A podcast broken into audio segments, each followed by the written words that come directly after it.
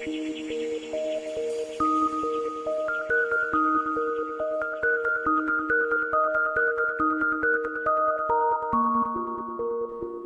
Bernardinų bičiuliai, čia Simonas Bendžius.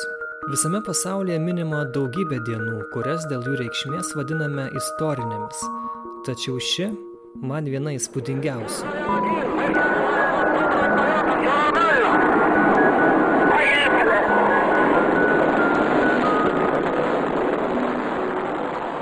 Prieš 60 metų, 1961 balandžio 12 Rusų kosmonautas 27 Jurijus Gagarinas kosminėje kapsulėje Vastok 1 apskriejo aplink Žemės rutulį. Tai buvo pirmas kartas istorijoje, kai žmogus pakilo į kosmosą ir į gimtąją planetą pažvelgė iš aukštai.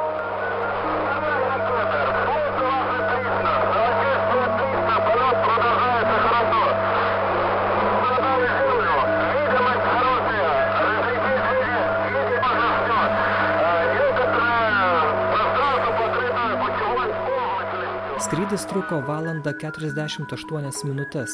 Jis buvo sėkmingas ir tapo tikrų įkvėpimu visiems, kuriems smalsu, o kasgi dedasi už Žemės ribų. Tad apie pirmąją žmogaus kelionę į kosmosą, astronautų bei kosmonautų kasdienybę šiandien, gyvenimą keičiančias patirtis būnant kosmose bei Dievo klausimą, mielai sutiko papasakoti Lietuvos etnokosmologijos muziejaus direktorius Linas Šmigelskas. Kviečiu klausytis.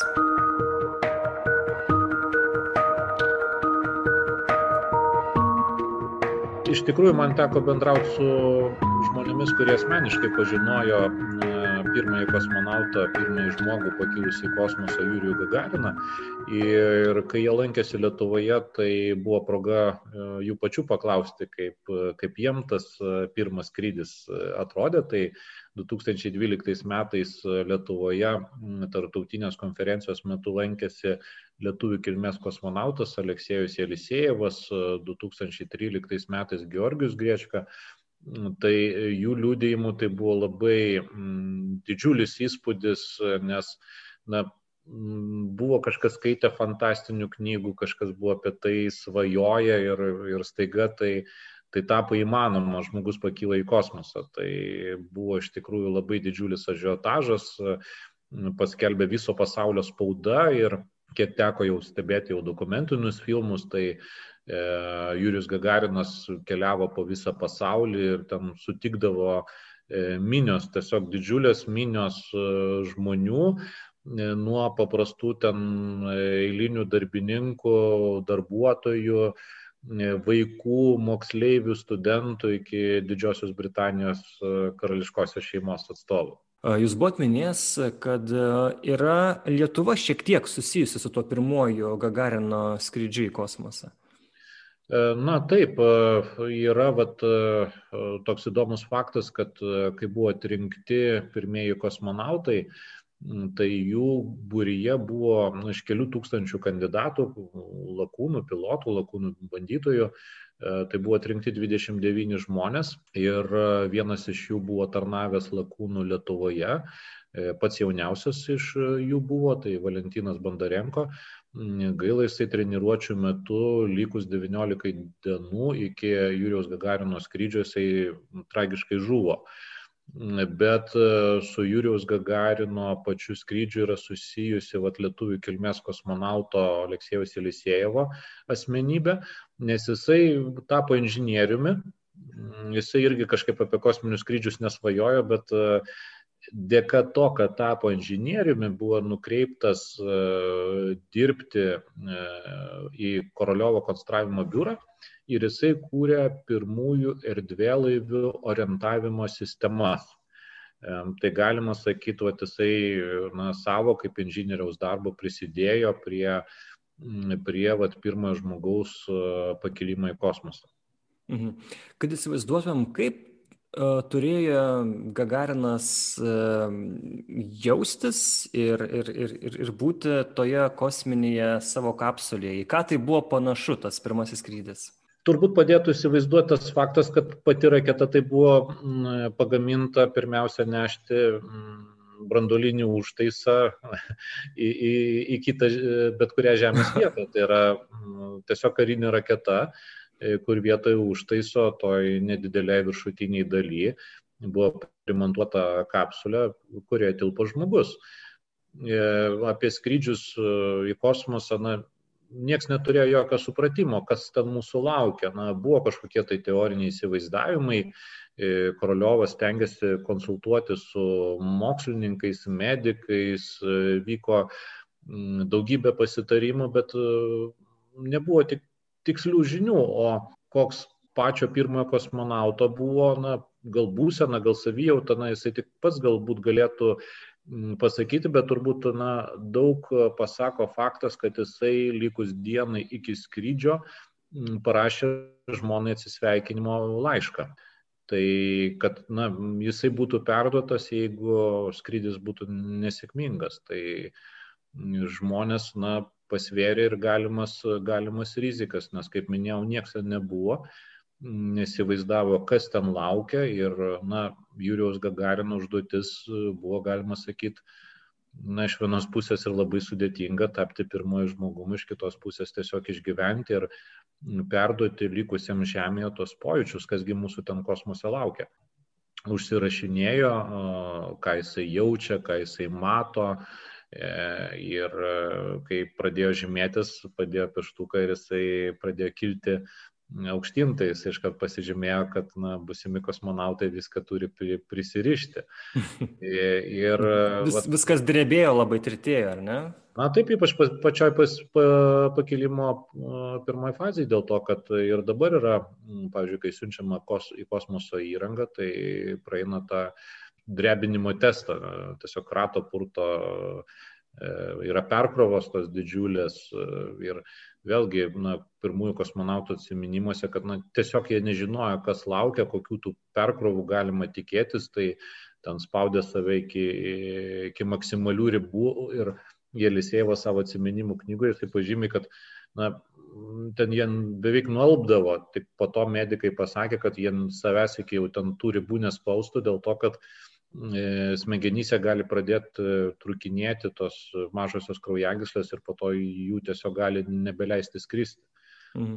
Kaip Popovičius, vat, to pirmojo būrio vadas, ukrainietis, kaip jisai sako, kad na, mes gal nebuvom patys stipriausi, bet greičiausiai na, sveikiausi žmonės Žemėje, nes buvo aibė testų daryta, bandymų, kad, kad na, jie atlaikytų tą patį pirmąjį skrydį. Teko matyti tokį e, paveiksliuką, kur Gagarinas e, skrenda kosmose savo toj kapsulėje, kaip kokiam traukinio kupe iš samovaro geria arbatėlę, tas samovaras šiek tiek į orą pakilęs dėl nesvarumo būsinos, Kaip iš tikrųjų buvo? Ten turėjo būti ankšta Gagarinai, kokios tos sąlygos pirmajam skrydžiui? Mm, ne, čia tikrai labai romantizuotas vaizdas. Ten tose kapsulėse tikrai labai nedidelė minimali erdvė. Tie patys sojuzai, kurie vat, ilgą laiką, nes iki SpaceX Dragonų nebuvo alternatyvos, jie gabendavo į tarptautinę kosminę stotį į gulų narius Tai va teko skaityti Skoto Kelly mm, atsiminimus jo knygoje Endurance. Tai jisai aprašo taip, kai jisai jau buvo kosminiai stoti, buvo ten du naujokai, nu, kuriam buvo pirmas skrydis. Ir jie turėjo, turėjo ruoštis grįžimui atgal į Žemę su būtent uh, Sojus erdvėlaiviu. Ir kadangi Skotas Kelly jau tą buvo patyręs, e, pirmasis jos skrydis tiesa buvo su daugkartinio naudojimo erdvėlaivių šatlu, tai va jisai galėjo palyginti ir jo klausė, sako, vat, o kaip, kaip tas sugrįžimas, e, vat, kokie pojūčiai, tai jisai pateikė tokį palyginimą, kad, na, leisti su šatlu yra e, tarsi, na, važiuoti su Rolls Royce ten centrinė avenue. O vat leistis e, su e, Sojus erdvėlaiviu tai yra kažkas panašaus kaip su e, žiguliais važiuoti kokiu nors dobėtų keliu ir galiausiai patekti į nedidelį autoįvykį. Tai yra va tokie pojūčiai, bet na, galiausiai viskas baigėsi laimingai. Tai yra, na, su ta kapsulė būna tas ir, ir, ir staigų sustabdymas, ir po to jinai voliojasi su, su to parašiutu per, per, per tą žemę. Tai, tai va, jisai palygino su, su tokiais pojūčiais. Ir ten, na, turbūt nemažai gal klausytojų ar žiūrovų jie bus matę, kaip jie ten sėdi sus, suspausti, apkrauti ten E, visokiais e, įranga, siuntiniais, tai vėlgi ir Gagarinas jisai tikrai neturėjo tos, e, tos laisvos vietos, jisai buvo įtvirtintas, prisektas, na, praleido skrydžio metu 108 minutės, tai na, praktiškai pusantros valandos. Tai yra vienas apsisukimas aplink mūsų planetą 300 km aukštėje, jisai turėjo tris tubelės, E, maisto e, ir, ir viskas, tai yra minimaliai resursų. Pats faktas pakilti į kosmosą, tai turėjo pakankamai trumpai trūkti ir vietos ten tikrai buvo labai nedaug, minimaliai.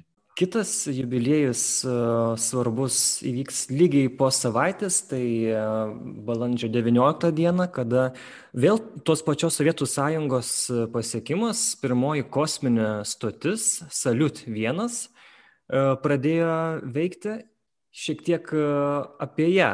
Čia yra susijusi ir vat, lietuvių kilmės kosmonauto Aleksėjaus Elisėjevo asmenybė, e, dėl to, kad jį įtraukė kaip inžinierių į skrydžius tam, kad buvo iš tikrųjų ruošiamasi statyti kosmose kosminės stotis ir suprato, kad jas reikės surinkinėti iš atskirų dalių, reikės prie jų prisišvartuoti, prisijungti su erdvėlaiviais, taigi e, buvo numatyta, kad e, reikės atlikti tuos e, susijungimo eksperimentus ir Jelisėjevas su kolegomis turėjo būti pirmosios tos stoties įgulos nariai, tik tai jiem nepavyko tinkamai prisijungti prie tos kosminės stoties sugedus susijungimo mechanizmas ir iškeliavo antroji įgula, na galima sakyti net trečioji, nes tai buvo pačios pirmosios įgulos dubleriai.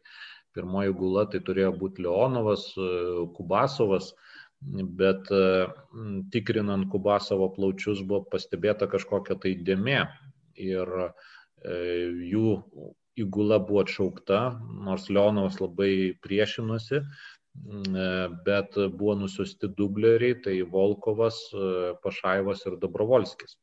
Tai jie startavo sėkmingai, prisijungė prie tos pirmosios kosminės stoties ir turėjo grįžti į Žemę, bet grįžimas baigėsi labai nesėkmingai, jie visi, visi trys žuvo.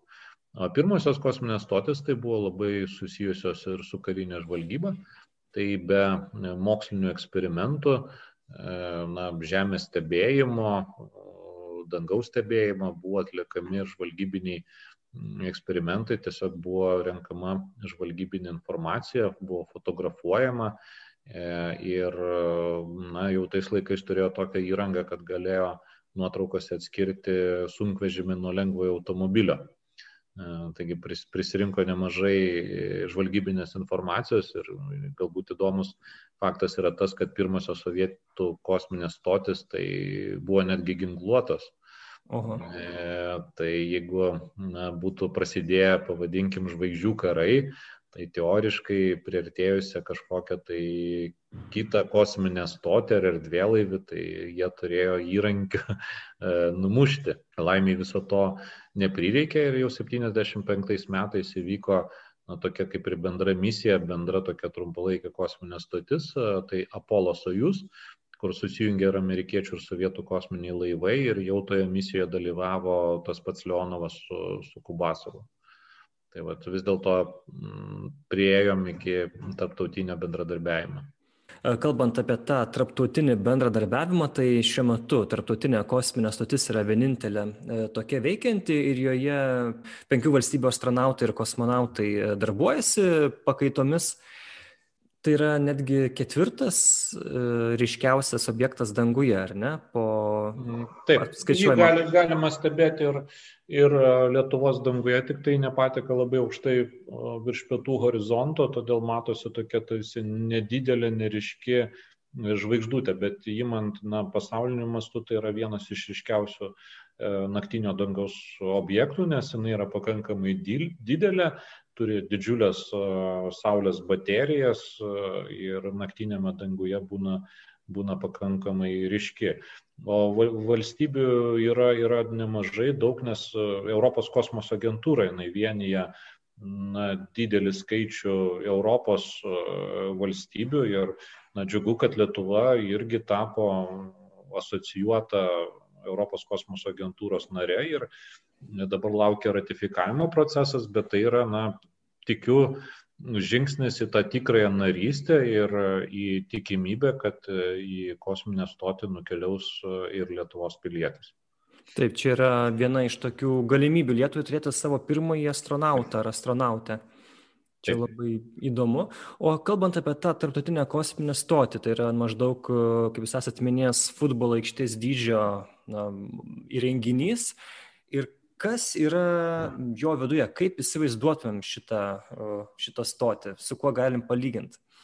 Na, jeigu lyginant e, su Gagarino erdvėlaiviu, tai turbūt kaip tikrai neblogas viešbutis, e, dėl to, kad e, tai yra jau ženkliai didesnis, ten nuolat gyvena šeši žmonės, aišku, skaičius gali šiek tiek varijuoti, bet dažniausiai tai yra būtent šešių žmonių gula.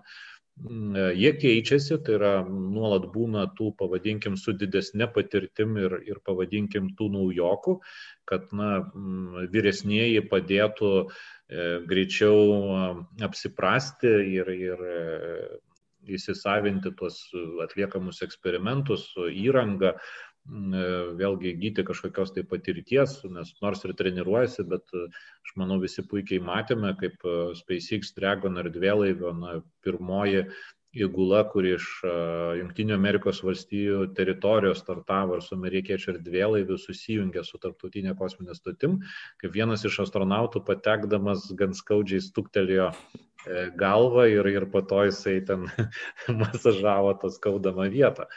Tai netgi labiau patyrę astronautai, tai kartais palygina naujokus kaip na, tarsi vat, jie ir viščiukus augina vat, tarptautiniai kosminiai stotyje, tai yra vykdomi ir biologiniai eksperimentai, tai juos irgi kaip paleidžia, jie taip na, plasdena, taip sukasi nerangiai toje erdvėje. Tai jie sako, kad tie naujokai irgi panašiai atrodo per, per tas pačias pirmasis dienas, kol, kol apsipranta. Tai va. Taip, vienas iš tokių skirtumų, būnant ir dirbant tarptautinėje kosminėje stotyje, yra tai, kad ta nesvarumo būsena arba labai, labai menka trauka. Tiesiog mes matom, kaip jie taip plevena ore astronautai ir kosmonautai, kaip jie kitaip gyvena, būdami ten kosmose žmonės. Na, jų dienotvarkė yra tokia, kad e, yra gan griežtai sudaryta ir ją sudaro e, Žemėje. Tiesa, jie turi ir laisvo laiko. Paprastai E, jie turi apie 3 valandas e, laisvas prieš e, na, tą laiką, kada jau turi ilsėtis, mėgoti. Miegui paprastai yra skiriamas 8 valandos, nors, na, jeigu yra kažkokių tai nestandartinių situacijų, pavyzdžiui, kažkoks tai turi būti atliktas skubus remontas, tai tada tenka aukoti ir, ir polsio laiką, ir, ir netgi ir miegą.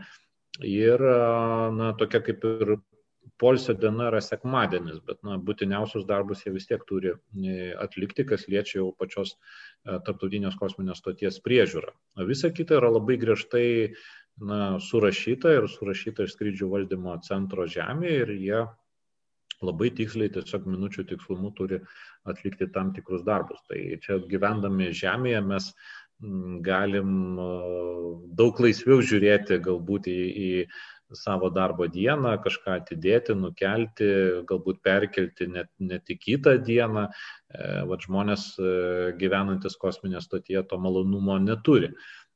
E, ir netgi neturėjo laisvos dienos, nes, matot, pakelti žmogų į kosmosą pakankamai brangiai kainuoja jį paruošti tam skrydžiui, todėl, na, ypač pirmųjų kosminių stočių įgulų nariams na, dienotvarkė dar griežčiau buvo sudaroma ir, ir to poilsio laiko praktiškai nebuvo. Todėl yra kosminiai stotyje, amerikiečių Skylab yra įvykęs ir na, pirmasis ir kol kas vienintelis žinomas kosmose streikas.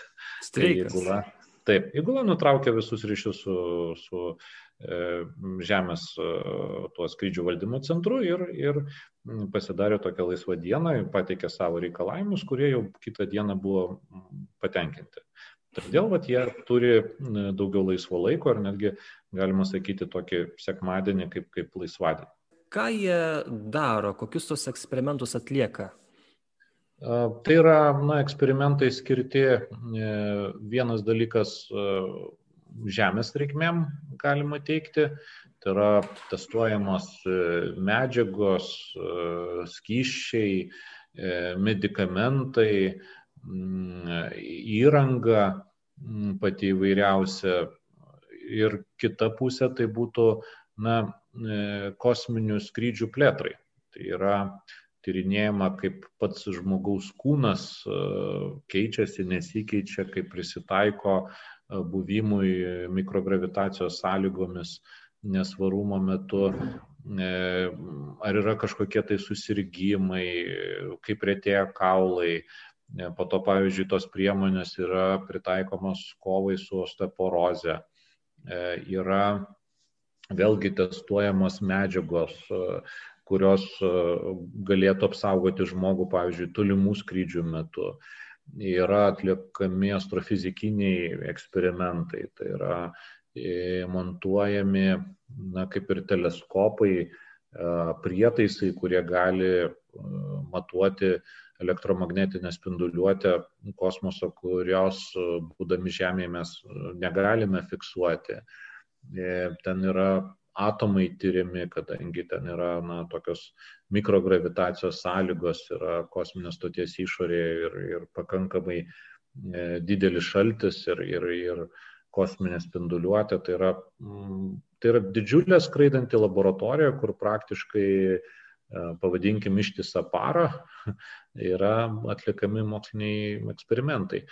Kitas svarbus darbas tai yra palaikyti pačios kosminės stoties gyvybingumą, tai yra e, atnaujinti kompiuterinę įrangą, operacinės sistemas, e, e, taisyti kažkokius tai gedimus, vis dėlto jinai skrieja jau pakankamai ilgą laiko tarpą ir turbūt ir Lietuvoje žmonės yra girdėję, kad ir atsiranda ir oro nutekėjimo situacijų, tai jie turi surasti, pro kur tas e, oras iškeliauja, imtis remonto darbų, yra pajungiami kažkokie tai nauji renginiai, tenka išeiti ir atvirą kosmosą. Yra buvę tai gaisrų? Yra buvę gaisrų, yra tarptautinė kosminė stotis Mir. Joje buvo kilęs gaisras, tai yra užsidegė renginys, kuris e, skleidė į kosminę stotį deguonį. Tai tada buvo šešių žmonių įgula, tarp jų vienas amerikietis, kurie tą gaisrą gesino. Teko bedrauti su kosmonautu Lazutkinu, jisai lankėsi Lietuvoje ir jisai pasakojo apie, apie tą gaisrą. Jisai būtent jį pastebėjo, kad jisai vyksta ir tada e, jie išsirikiavo į tokią kaip grandinę. E, įgulų vadai, vieno pavardė Ciblievas, kito dabar neprisimenu, jie buvo arčiausiai gaisro žydinio, o po to taip ėjo toliau tą grandinę, jie tiesiog padavinėjo e, gesintuvus e, ir, ir vykdė gesinimo darbus. Tai iš tikrųjų buvo labai sudėtinga situacija, e, netgi buvo galvojama apie kosminės stoties įgulos evakavimą, bet jie pastebėjo, kad vienas iš prisijungusių erdvėlaivių Sojus irgi yra jau pripildytas dūmų, ir visos įgulos evakuavimas jau yra neįmanomas. Tai laimė jiem pasisekė tą gaisrą e, įveikti ir, ir na, gražinti kosminę stotį į normalų darbą, bet e, kadangi jisai prisikvėpavo kenksmingų dujų ir kažkiek buvo pažeisti jo plaučiai, tai, tai daugiau jo į kosminės misijas nemesinte. Tai jo buvo vienintelis skrydis, bet na, daug įdomių ten situacijų buvo ir toleto gedimas, ir atsitrenkė krovininis erdvėlaivis, ir, ir įvyko gaisras, tai pakankamai spūdingas skrydis. Apie tualetą, galima apie tą būtį pakalbėti. Kuom ypatingi yra pirmiausia tualetai tarptautinėje kosminėje stotyje? Na, tai pats pirmasis renginys, su kuriuo susipažįsta naujai atvykę astronautai, kosmonautai. E, jisai būtent pirmiausia parodomas, e, kaip jisai veikia, kur jisai yra, nu, kaip jį reikia prižiūrėti, kaip jį reikia remontuoti. Na ir turbūt e, daugumai žmonių labai įdomu kaina, tai man atrodo, jeigu teisingai atsimenu, tai kaina kosminės stoties tualeto tai yra 19 milijonų jav dolerių. Tai na, pakankamai sudėtingas ir rimtas uh, įrenginys, nes jisai yra tiesiog gyvybiškai būtinas. Tai vėlgi, kai buvo sugedęs Mir kosminiai stotį tualetas, tai labai rimtai svarstė apie kosminės stoties e, evakuaciją, nes uh, na, žmogus be to negali gyventi. Taigi dabar kosminiai stoti yra du. Yra rusų segmente, pavadinkim taip, ir yra amerikiečių segmente.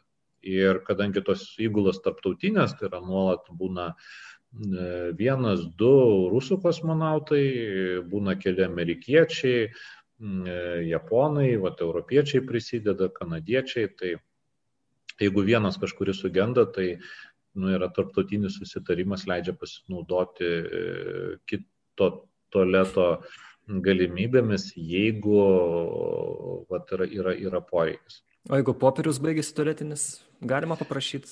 E, ten drėgnos servetėlės yra naudojamas, mm. E, vanduo yra labai taupamas, tai ten vanduo E, nenaudojamas, net šlapimas yra surenkamas, tiesiog jau pavadinkim kietosios atliekos yra na, surinkamos, e, spaudžiamos ir, ir, ir naikinamos kaip, kaip ir visos e, kitos tarptautinės kosminės stoties atlikos, pavadinkim, na, kažkokia tai sugedusi, neveikianti įranga. Na, kosminiai stoti yra pliusas, kad nereikia skalbti drabužių, juos tada tiesiog e, vėlgi sudeda į krovininį erdvėlaivį, nukreipia taip, kad e, jisai sudegtų aukštai atmosferoje ir, ir taip yra utilizuojama atlikos. Mm. Tie tualetai, kuom jie, kaip ten viskas vyksta, ar ne, kuo, kuom jie yra e, skirtingi negu žemiški? Kiekvienas astronautas turi tam tikrą įrenginį, kuris padeda sujungti vieną ar kitą pusę su tualetu. individualų, nes yra ir moteris, yra ir vyrai. Ir kadangi yra mikrogravitacija ir turbūt daug kas matė, kaip astronautai, kosmonautai žaidžia su skyšiais kosmose, kaip jie ten sudaro tos rutuliukus ir taip toliau, tai, na, reiškia skraido ir visa kita. Todėl e, kosminės stoties tualetas jisai viską sutraukia e, į save, tai yra turi didelę labai trauką, nes priešingų atveju viskas kiltų, skraidytų, galėtų patekti į kažkokį filtrą mm, ant laidų, įrangą kažkokią tai sugadinti. Mm, e, tai vad, tuo jisai, tuo jisai skiriasi, pas mus yra daug naudojamo vandens ir, ir galbūt kartais ir netaupiai O vat, kosminiai stoti vanduo yra nenaudojamas, naudojamas drėgnas servetėlės, yra viskas sutraukiama, stengiamasi perdirbti ir ieškoma, kaip tą perdirbimą e, patobulinti, dėl to, kad, e, pavyzdžiui, misijos į, į Marsą, jos vėlgi truks pakankamai ilgai ir bus dar mažesni resursai, todėl na, savo gebėjimus, kas liečia perdirbimą, tai tarptautinės kosminės stoties įgulos mokslininkai stengiasi nuolat tobulinti. Mhm. Kad kuo mažiau švaistyti, kuo mažiau būtų, būtų atlikų. O čia yra mitas, kad šlapimas perdirbamas į gerimą vandenį? Ne, tai yra tiesa, yra sukurti tiesa? filtrai, kurie, taip, kurie išvalo. Tiesiog ilgą laiką, na, dėl etinių sumetimų tas uh, vanduo, pavadinkim, jisai nebuvo naudojamas.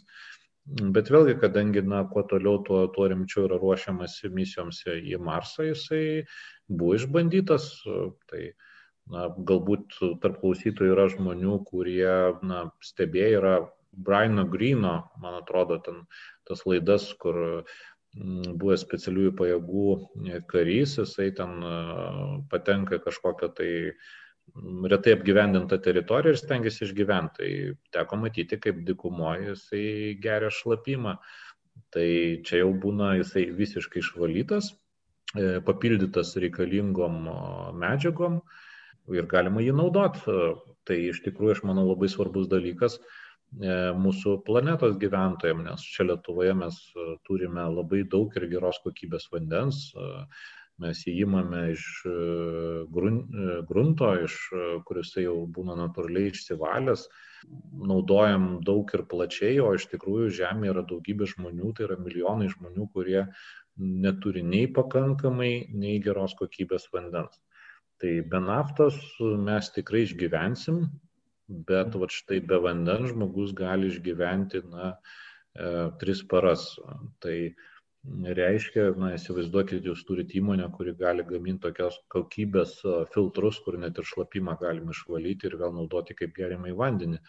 Tai yra, na, iš vienos pusės garantuotas uždarbis, iš kitos pusės, na, tai didžiulė galimybė žmonėms turėti geros kokybės vandenį, nes na, su tais filtrais galima ne tik šlapimą valyti, bet ir, ir kitas kistas nuotekas. O kaip prausis astronautai ir kosmonautai? Pavyzdžiui, kaip plautis galvą reiktų arba dantis valytis? E, aš žinau, kad Mir kosminėje stotyje buvo net ir dušas sumeistrautas. O. E, ir net kažkas panašus į pirtį, bet sakė, kad buvo labai sudėtinga, kol paruošė, žodžiu, labai daug laiko paruošimui ir sutvarkymui ir labai nedaug laiko tam e, malonumui.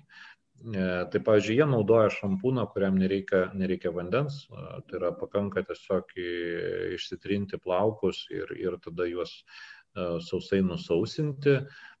Jie valosi dantis, jie, jie naudoja apsiprausimui drėgnas servetėlės, kurias mes na, irgi jas turbūt kiekvienas beveik esam naudoję savo hygienos reikmėms. reikmėms. Tai yra, skiriasi tuo, kad jie nenaudoja vandens, tai yra vanduo naudojamas tik tai atsigerti.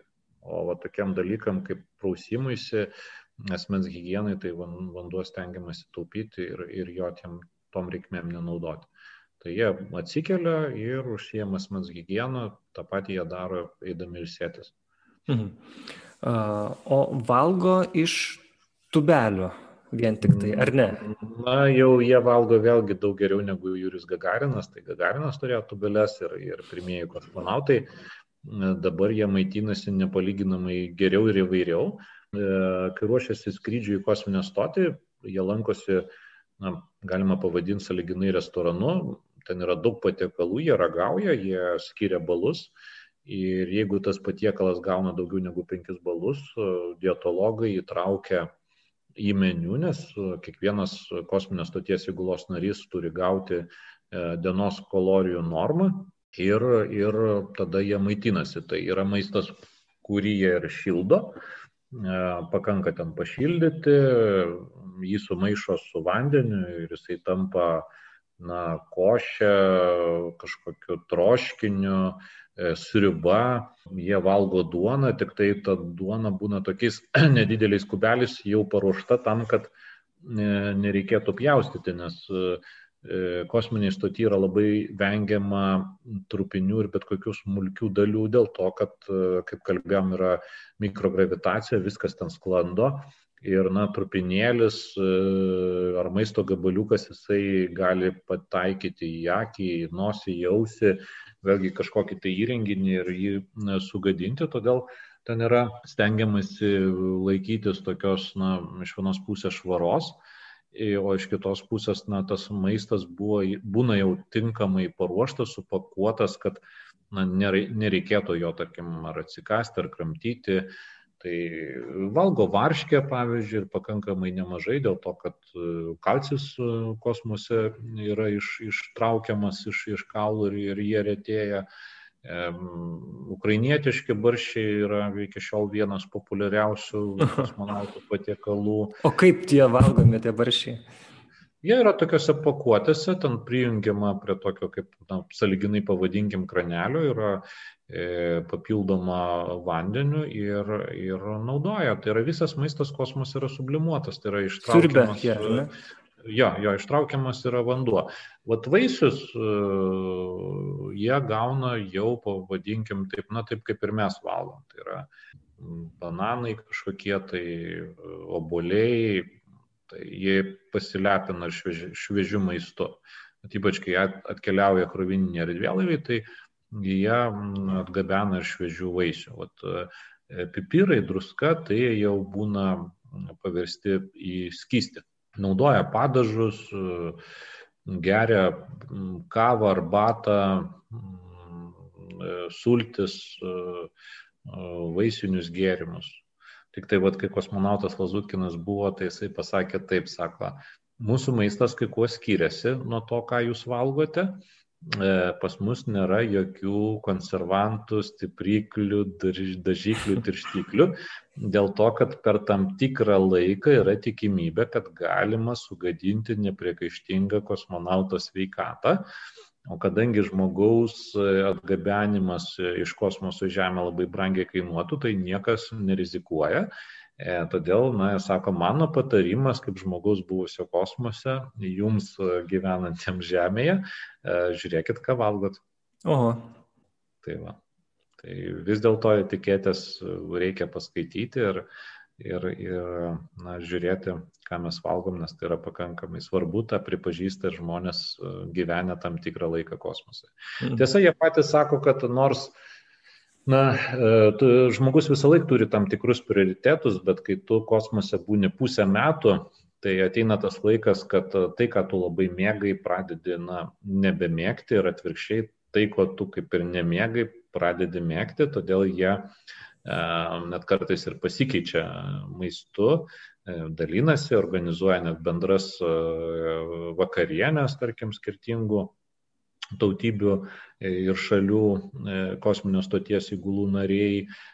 Jie organizuoja šventes, e, pavyzdžiui, kosmonautui Avdėjevui, kuris lankėsi Lietuvoje 2019 metais, tai yra tekę būti ir, ir senių šalčių, tai yra ir, ir persirinkti, ir jie puošia, puošia reglutę, ir siunčia sveikinimus, linkėjimus ir, ir E, visiems žemės gyventojams ir, ir, ir kartu savo šeimų nariams. Mm, taigi tarptautinis bendradarbiavimas, jisai netgi ir paįvairina tą e, maistą kosminės stoties įgulos racioną, nes įtraukiama naujų, na, tų šalių turbūt e, tradicinių patiekalų.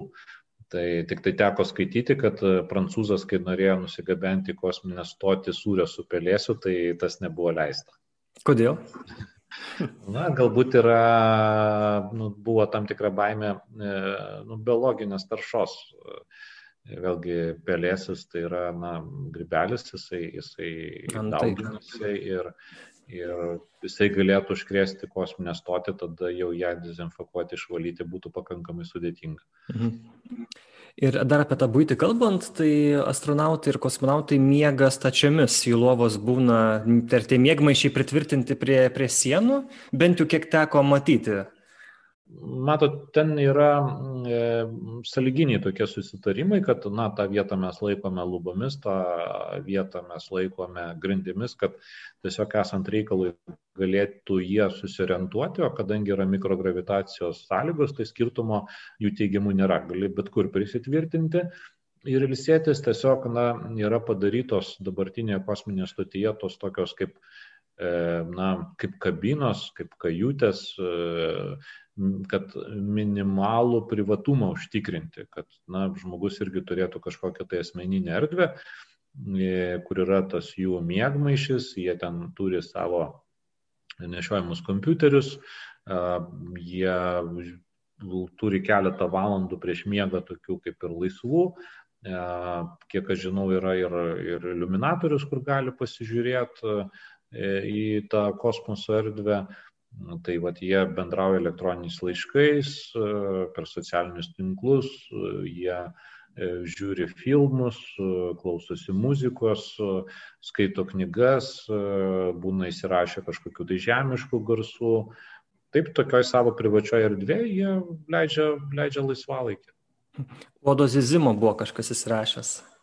Jo, man vienas kosmonautas sakė, kad nu, jisai nepaminėjo pavardės, kas būtent, bet, uh, sako, buvo įsirašęs kaip Zizė Uodas, tai, nu, sako, aš pagalvojau, kad vis dėlto tai, yra, tai yra per daug, e, galima daug ko žemėje pasilgti, bet, sako, uodų kažkaip aš, aš nepasilgau.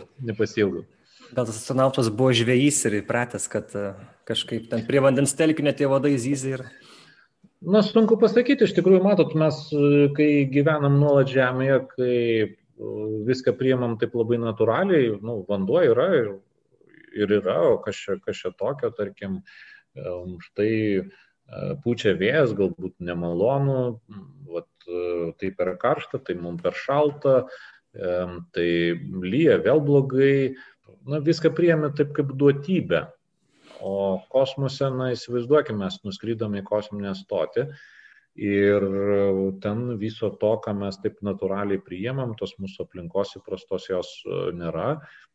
Yra specifinis, e, toks, na, daug kas perteikia kaip metalo kvapas, nes, na, iš esmėsgi tai yra metalinis įrenginys e, kosminės stotis, yra E, garsi ventiliacija, nes jinai pakankamai turi būti stipri, na, kažkoks mašinų užėsys ir, ir staiga visa tai dinksta. Ir m, turbūt po tam tikro laiko, na, aišku, tikrai ne pirmosiomis dienomis, nes pirmosios dienos tai visi aprašo ar pasakoja, kad na, tai yra labai spūdingi žemės vaizdai, tie pirmi pojūčiai, kosminiai stotyje, o po to aš manau, kad žmogus e, kitaip e, pasižiūri mm, ir, ir įvertina tai, tai, kas jį supa būtent planetoje Žemėje. Ir, pažiūrėjau, kosmonautas Georgius Griečkas sako, na, e, tu grįžti ir tada, vat, sako, vat, vėjas tau padvilkia ir, ir sako, tai yra taip nuostabu ir patys įvairiausi kvapai, garsai ir iš tikrųjų E, tie, kurie yra pabuvoję kosmose, labai e, rimtai palaiko visas aplinkosauginės iniciatyvas, na, jautriai reaguoja tai, kas vyksta pas mus planetoje, tiek kažkokie tai klimatiniai pokyčiai, tarša, konfliktai kažkokie tai, kurie vyksta tarp žmonių, nes Jie sako, kad kai tu gyveni kosmose, tų sienų nesimato, jų tiesiog, jų tiesiog nėra. Yra, yra, yra vienintelė Žemė ir didžiulė kosminė erdvė, kur mes nesam įsitikinę, ar yra kažkokios tai ribos. Ir, na, kai tu matai Žemę, turbūt pagalvoji, kad tai yra mūsų visų bendri namai ir jais gal na, tikrai reikėtų atidžiau rūpintis. Tas pats Griečka yra minėjęs, kad e, kai jis pamatė Žemę pro iliuminatorių, jis tada suprato, kokia tai yra trapi ir labai labai brangi planeta, kurią turim rūpintis. Tai čia labai įdomu, kad e, kosmose būdami žmonės, jie, na, šiek tiek kitaip į tą pasaulį žiūri, ar ne? Tos patirtis, tie išgyvenimai, jie būna labai unikalūs. Tai ką jūs esat skaitęs ir girdėjęs iš pirmų lūpų, kaip keičiasi tas e, žmonių požiūris, kai jie Žemę pamato kitų kampų? Aš manau, na, aš tikiu, kad e, ateityje vis daugiau žmonių keliaus į kosmosą ir būtent dėl to mes e, geriau suprasime, kokioje iš tikrųjų ypatingoje vietoje mes gyvename. Nes vėlgi, kaip mes būname čia ir viskas yra taip natūralu, tai labai sunku įvertinti, kai nuskrendi į kosmosą pasižiūri tarsi šiek tiek iš šono ir iš kitos pusės, na, kosminių misijų dalyviai, jie skrenda kas keletą metų ir, ir jie turi galimybę palyginti, jie mato visą vaizdą ir gali palyginti, kad štai padidėjo dykumos plotas, ten įvyko kažkoks tai galbūt gaisras, e, išsiplėtė miestai, e, jie mato visą bendrą paveikslą ir, ir jie netgi ir sako, kad na, jeigu žmonės galėtų matyti e, visą tą vaizdą ir, ir, ir žemę tarsi iš šono savo akimis, tai jie visai kitaip e, pradėtų elgtis būtent e, čia žemėje, nes Lazutkinas sako, na, irgi tarsi vat niekada nebūčiau pagalvojęs, kad einu, sako, vieną kartą miško keliuku ir sako, žiūri, vabaliukas eina, sako, aš taip jį apėjau ir pagalvojau, kokią, kokią teisę aš, aš turiu, na, tarkim, jį su, su, sutraiškyti, kad ir netyčia. Kad, kad reikia daug atsargiau, atsargiau elgtis. Tai mm, iš tikrųjų aš manau, kad tai yra labai svarbu, nes mes na, ieškom planetų prie kitų žvaigždžių, bet aš manau, kad jeigu rasim tokią gerą vietą gyvybei kaip mūsų planeta Žemė, tai na, jinai tikrai nebus tuščia. Tai reiškia, jeigu būsim mandagus svečiai, mes turėsim sugrįžti. Taip kad mes e, tokius namus turim vienus ir vienintelius ir mm, jais reikėtų iš tikrųjų daug atidžiau rūpintis. Mhm. Mes galim tą vaizdą matyti, yra YouTube tos tiesioginės transliacijos iš tarptautinės kosminės stoties, ten kažkokios tai kelios kameros yra prijungtos, bet vis tiek tai turbūt nėra tas pats, kas gyvai matyti savo planetą pro, pro langą. Na, kadangi aš pats nebuvau kosmose, tai mm, pasiremsiu vėlgi astronautų įspūdžių. E, pas mus lankėsi ukrainiečių astronautas Leonidas Kadaniukas, kuris su kosminiu erdvėlaiviu Shuttle skrido į kosmosą. Jisai pasakė, kad patys įspūdingiausi Žemės vaizdai iš e, kosmoso na, perdoda turbūt gal tik 15-20 procentų to tikro įspūdžio E, kurį pamato ir pajunta žmogus pats būdamas kosmose žvelgdamas iš, iš šalies į Žemę. Ir turbūt, na, jeigu tu žiūri e, kompiuterio ekrane į tuos vaizdus, tai vis tiek, pat, pažvelgi į šalį, tu matai pro langą medžius, tu esi toje pačioje žemėje ir, ir tai galbūt neperteikia to įspūdžio, bet E, kai tu būni turbūt kosminiai stotyje, matai tuos vaizdus ir kita vertus žvelgi, matai tą didžiulę beribę erdvę su, su daugybė žvaigždžių ir tą mm, skriejančią vieną mūsų, mūsų Žemę, planetą, manau, kad e, tai irgi padeda visiškai kitaip e, įvertinti tuos matomus vaizdus. Tai yra didžiulė erdvė ir nedidelė mūsų planeta Žemė, kurioje mes gyvename.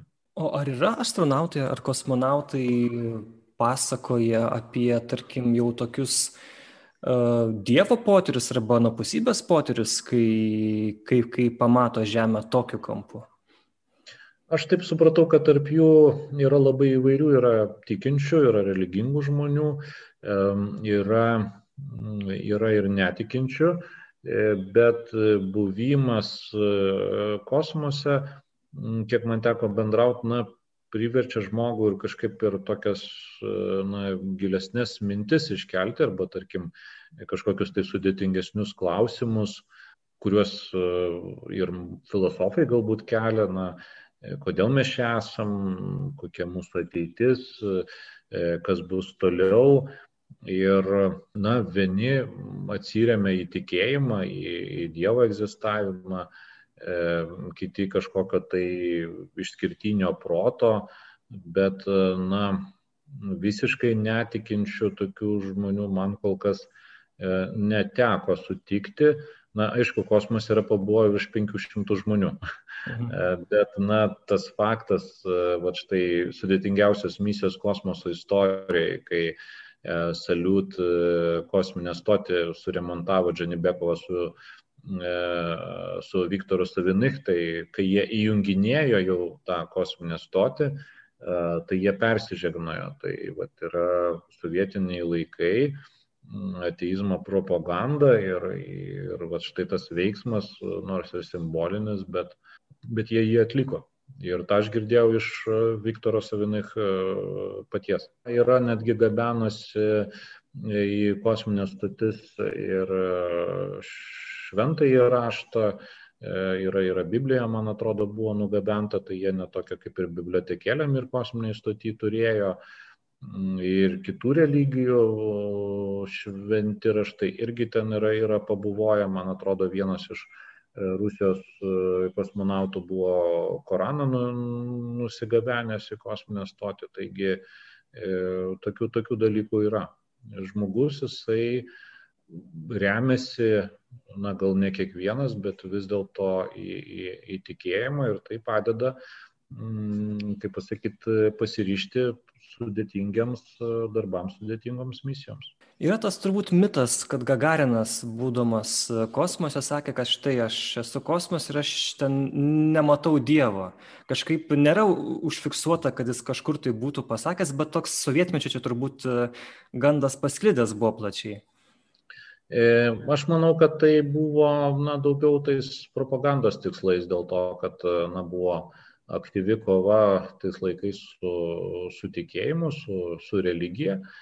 E, ir, na, taip buvo bandyta turbūt pateikti, štai va, žmogus nuskrydo į, į dangų ir jisai e, Dievo nepamatė, e, nerado jo, bet e, asmeniškai aš kaip irgi tikinti žmogus, tai manau, kad e, jisai yra mūsų mintise ir darbuose. Na, kaip kartais lankytojai, kurie pas mus atvažiuoja stebėti žvaigždžių irgi sako, tai, va, tai nu, jūsgi žiūrite žvaigždės, ar mato ten kažką. Tai, tai tada aš atsakau, kad na, būtų labai gerai, kad na, štai užlipi, nutaikai teleskopą, pasižiūri, jisai sėdi, nu, viskas kaip ir aišku. Jisai nesėdi, irgi yra viskas labai aišku, bet, sakau, gyvenimas yra gerokai sudėtingesnis ir žmogui e, reikia turbūt susitaikyti, kad į kai kuriuos e, klausimus mes atsakymų negausime e, niekada, būdami čia Žemėje galbūt juos mes gausime ateityje. Bet turbūt naktį žvelgiant į žvaigždėtą dangų, turbūt tos kalbos apie Dievą jos lengviau rutuliuojasi negu kad dabar, pavyzdžiui, ar ne? Aš manau, kad taip, kad žmogui, kai jisai žiūri į, į visatą, į, į didžiulę visatą, tai yra su milijardais e, galaktikų, milijardai žvaigždžių juose ir ir dar na, susidurėme su tuo faktu, kad tai yra labai nedidelė visatos masės dalis, kad jų, e, jos masė yra kur kas didesnė ir tos didžiosios dalies mes iš tikrųjų net negalime matyti, nepaisant savo mokslinių instrumentų, prietaisų, technologijų tobulumo ir kad net yra ir tikimybė, kad apskritai visata yra ne vienintelė, kad jų, jų gali būti daugiau tai yra pakankamai sudėtinga, kad patikėti, kad visą tai atsirado iš, iš nieko atsitiktinai ir, ir be jokios prasmės. Ir tai yra na, vieni iš didžiausių klausimų, į kuriuos e, mokslininkai e, bando atsakyti, kodėlgi ta visata atsirado,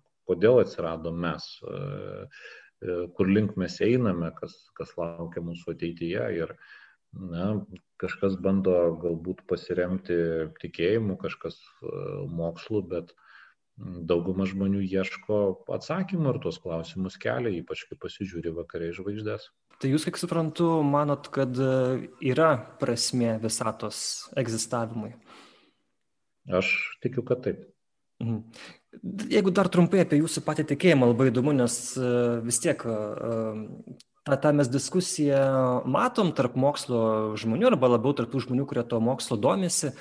Vieni sako, kad štai, žiūrėkit, yra daug mokslo duomenų rodančių, kad kaip ir tos anapusybės nėra, tarsi, kiti sako, atvirkščiai, žiūrėkit, kiek daug yra prielaidų ir iš pačių mokslininkų, kad kaip tik kažkas egzistuoja protingo ir, ir, ir, ir mus gerbiančio ir mylinčio. Tai ką jums pačiam tas tikėjimas reiškia ir, ir ar padeda tokiam darbe, ar ne, etnokosmologijos muziejui?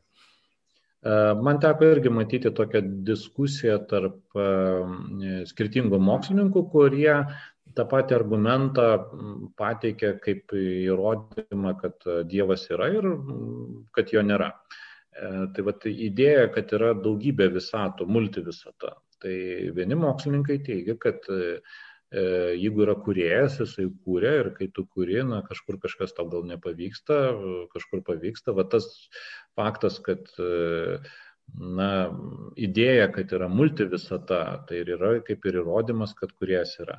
E, kitigi mokslininkai sako, va ta mintis, kad yra multivisata, yra daugybė visatų, jinai, e, jeigu iš tikrųjų yra taip, tai reiškia, kad na, vis tiek, jeigu yra daugybė visatų, kažkurie susidarys e, tokios sąlygos, kur vis tiek gyvybė turėtų atsirasti ir va, štai atsitiktinai ir mes atsiradom. E, yra skirtingų nuomonių, aš jas e, gerbiu, būna įdomu pasikalbėti, pasidiskutuoti.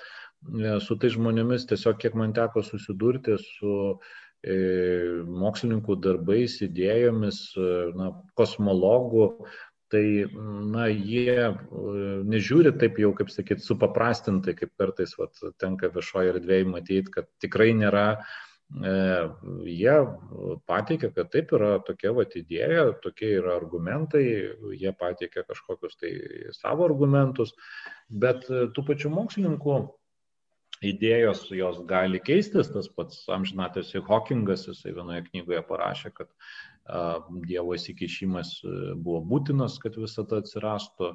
E, kitoje knygoje jisai parašė, kad yra galimybė, kad visata atsirado iš, iš chaoso.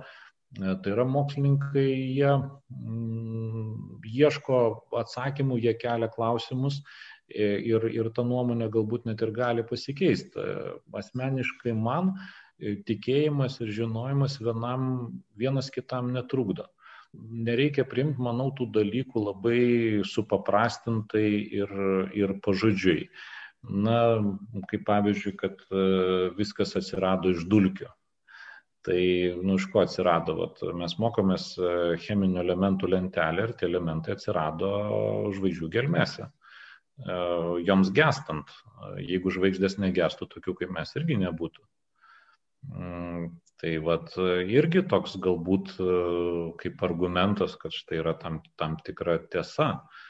Ir kaip ir galėjau sakė, kad na, jeigu Dievas davė mums tokį nuostabų protą, ne, negi jisai nenorėtų, kad mes uh, juo naudotumėmės ir kuo labiau juo naudojamės, tuo geriau mes suprantam, kokia iš tikrųjų ta visata ir sudėtinga, ir, ir įdomi, ir na, ta mūsų pačių planeta Žemė yra unikali, ir, ir pats, pats žmogus, jo asmenybė yra, yra nepaprastai įdomus, ir, ir tą mokslininkai tyrinėja ir turi gerokai daugiau klausimų negu atsakymų.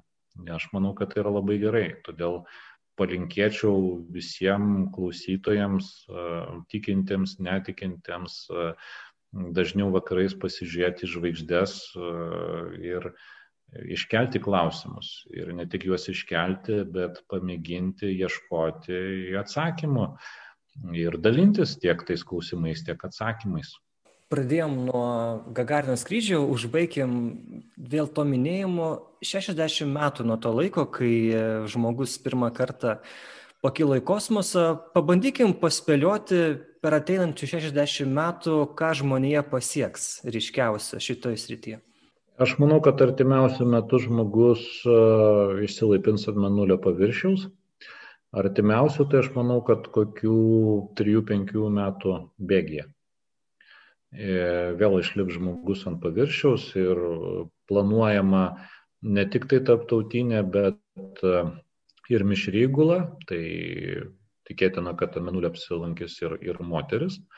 Tai čia aš manau, kad turėtų tikrai padrasinti ir įkvėpti ir, ir mūsų merginas, e, nes jos manau, kad irgi ir mokslo aukštumų siekia ir, ir yra pakankamai atkaklios, tai tikrai galėtų būti e, pirmoji Lietuvos astronautė, bet tam jau reikėtų pradėti ruoštis jau dabar į tai rimtai žiūrėti. Aš e, manau, kad bus 20-30 metų bėgyje pilotuojamas skrydis į Marsą. Tai nebus taip greitai, kaip žada Elonas Maskas, nes tai yra pakankamai sudėtingas dalykas, bet tikrai, manau, kelių dešimtmečių ateityje jisai įvyks bet tai bus faktas, kad išlipo Marse žmogus ir jisai sugrįž. O vat e, tų jau ilgiau, trumpiau gyvenamų bazių, kolonijų, aš manau, kad e, mums dar tikrai pakankamai ilgai reikės palaukti. Bet aš galvoju, kad aš dar turėčiau spėti pamatyti, e, kaip pirmasis žmogus išlipa ant Marso planetos. Ar tai bus didžiausia naujiena žmonijos istorijoje? Aš manau, kad ateityje bus ir kitų naujienų. Bus e, pasiekta Jupiterio aplinka, dėl to, kad Jupiterio menuliai e, Europą, o greičiausiai ir Kalistas su Ganimedu turi didžiulius e, poledininius vandenynus, tai žmogus jisai yra smalsus ir jeigu jau pasieks Marsą, tai tikiu, kad sieks ir toliau. Tai sekantis žingsnis bus Jupiterio, e, vėliau Saturno aplinka. Galiausiai manau, kad e, vis tiek bus misija ir prie kitų žvaigždžių, o galbūt jau labai labai labai tolimoji ateityje, galbūt ir misija į, į kitą galaktiką. Todėl aš manau, kad taip, aš velgiu optimistiškai, aš manau, kad ir tada, kai keliaus į kitą galaktiką, žmogus prisimins pirmojo žmogaus skrydį į kosmosą, nes jisai vis tiek buvo pats pirmasis. Prisimins tuos, kurie patys pirmieji išlipo menulyje, be bejonės prisimins tuos, kurie nukeliaus į pačią pirmąją kitą planetą atliks na, tolimą tarp planetinę pirmą misiją, pirmąją tarp žvaigždinę misiją ir aš tikiu, kad ateityje kažkas tai žmonių, na, tik tai gal nebūtina įsivaizduoti taip, kad vat, kaip mes dabar su Simonu, galbūt tas ir žmogus kažkaip kitaip atrodys ateityje. Aš tikiu, kad e, įvyks ir pirmoji tarp galaktinė, tarp galaktinė kelionė. Mhm. Bet tas žmogus, jisai vis tiek patį pirmąjį žmogų, kuris nuskrido į kosmosą, jisai tikrai žinos. Kągi, dėkui Jums. Na, aš pasakiau tą didžiausią naujieną žmonės istorijoje. Na, aišku, krikščionės tikim, kad Jėzus prisikėlimas buvo pati didžiausia naujiena, svarbiausia. Tai, tai dar kartą sveikinu su šventom Velykom visus žiūrovus ir klausytojus. Tas laikotarpis dar nesibaigė šventinis. Kągi, tai buvo etnokosmologijos muziejaus direktorius Linas Šmigelskas. Ačiū Jums labai už įdomų pokalbį.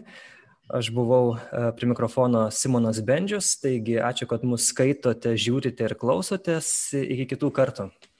Ačiū Simonai, linkiu visiems klausytojams gražaus pavasario ir, ir vilties, kurios suteikia mums ši graži pavasario šventė.